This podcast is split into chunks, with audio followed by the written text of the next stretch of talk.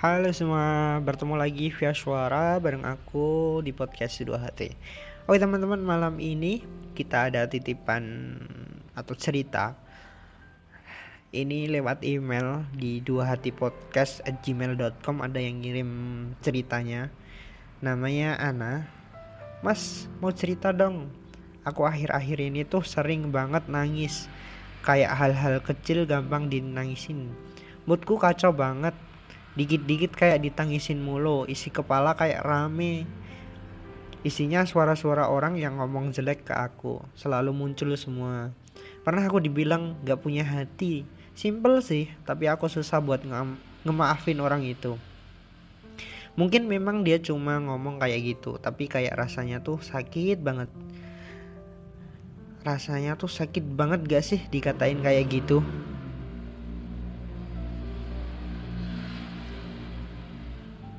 Aku juga selalu merasa nggak pantas buat segala hal entah kenapa kayak kepikiran aja. Aku nggak pantas buat itu padahal aku lagi ujian mau belajar pikiran selalu keganggu.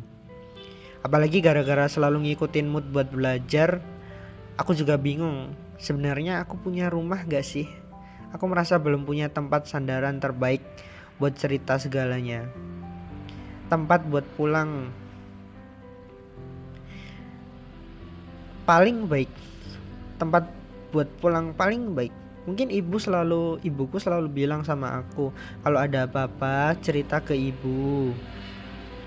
Jangan dipendam sendiri. Tapi rasanya tetap gak bisa. Tapi rasanya tetap gak bisa aja gitu buat cerita sama ke orang tua kita berusaha terbuka tuh nggak bisa sama orang tua. Gak tahu deh mau cerita sama siapa lagi. Bingung mau ngungkapin gimana. WK WK WK mungkin ini aja deh. Terima kasih Mas Lukman.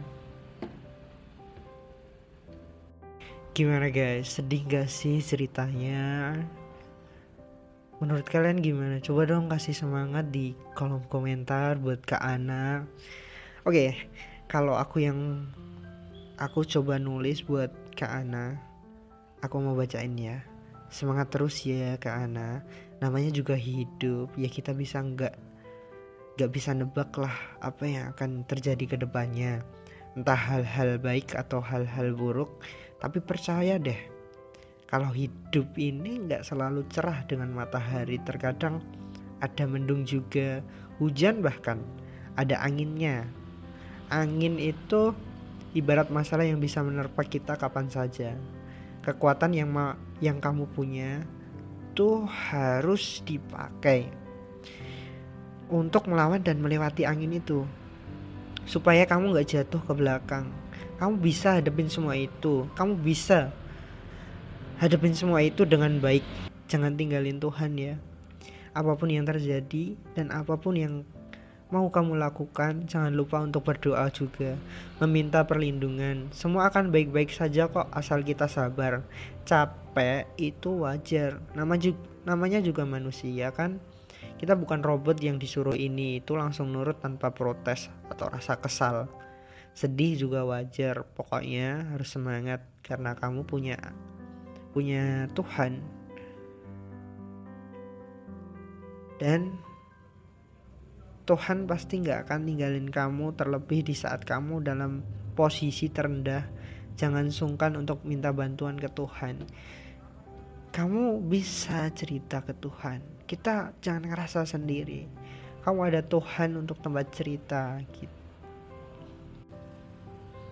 Oke, kemudian buat Kak Ana, aku mau nyampein beberapa pesan mungkin buat Kak Ana atau buat siapa pun lah wanita atau buat perempuan semuanya sebagai wanita kita harus bersandar pada diri sendiri.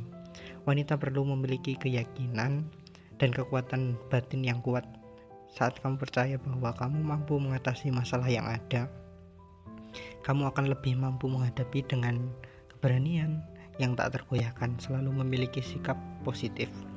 Usaha untuk berpikir positif dan hindari pikiran negatif Jangan menolak peluang-peluang untuk tumbuh dan berkembang. Tetaplah optimis dan cari sisi positif dalam setiap situasi.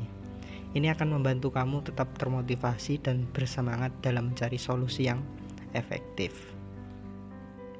Kemudian jangan takut menghadapi tantangan atau peluang yang sulit. Bersiaplah untuk beradaptasi dengan situasi yang berbeda. Jangan ragu untuk mencari solusi alternatif.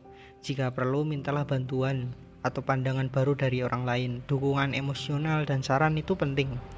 Jaga kesehatan fisik dan mental. Jangan ragu untuk mencari dukungan. Baik itu dukungan emosional dari orang-orang terdekat tetap berusaha dan jangan pernah menyerah. Kita memang punya banyak pilihan, tapi jangan pernah untuk menyerah. Jangan memilih untuk menyerah. Pilihan yang lain itu masih banyak. Ingatlah bahwa setiap langkah kecil membawa kita lebih dekat kepada penyelesaian suatu masalah. Jangan merasa sendiri.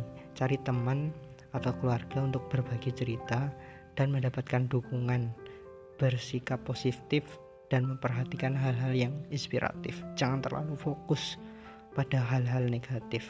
Cari inspirasi dan pemikiran positif dari dirimu sendiri dan orang-orang di sekitarmu. Mungkin itu buat Kak Ana. Sekian untuk minggu ini. Terima kasih buat Kak Ana yang sudah berbagi cerita malam ini. Tetap semangat, jangan jangan pernah putus asa yakin kita masih ada Allah untuk buat cerita untuk tempat cerita semangat ya Kak Ana sekian minggu ini sampai jumpa minggu depan di podcast dua hati.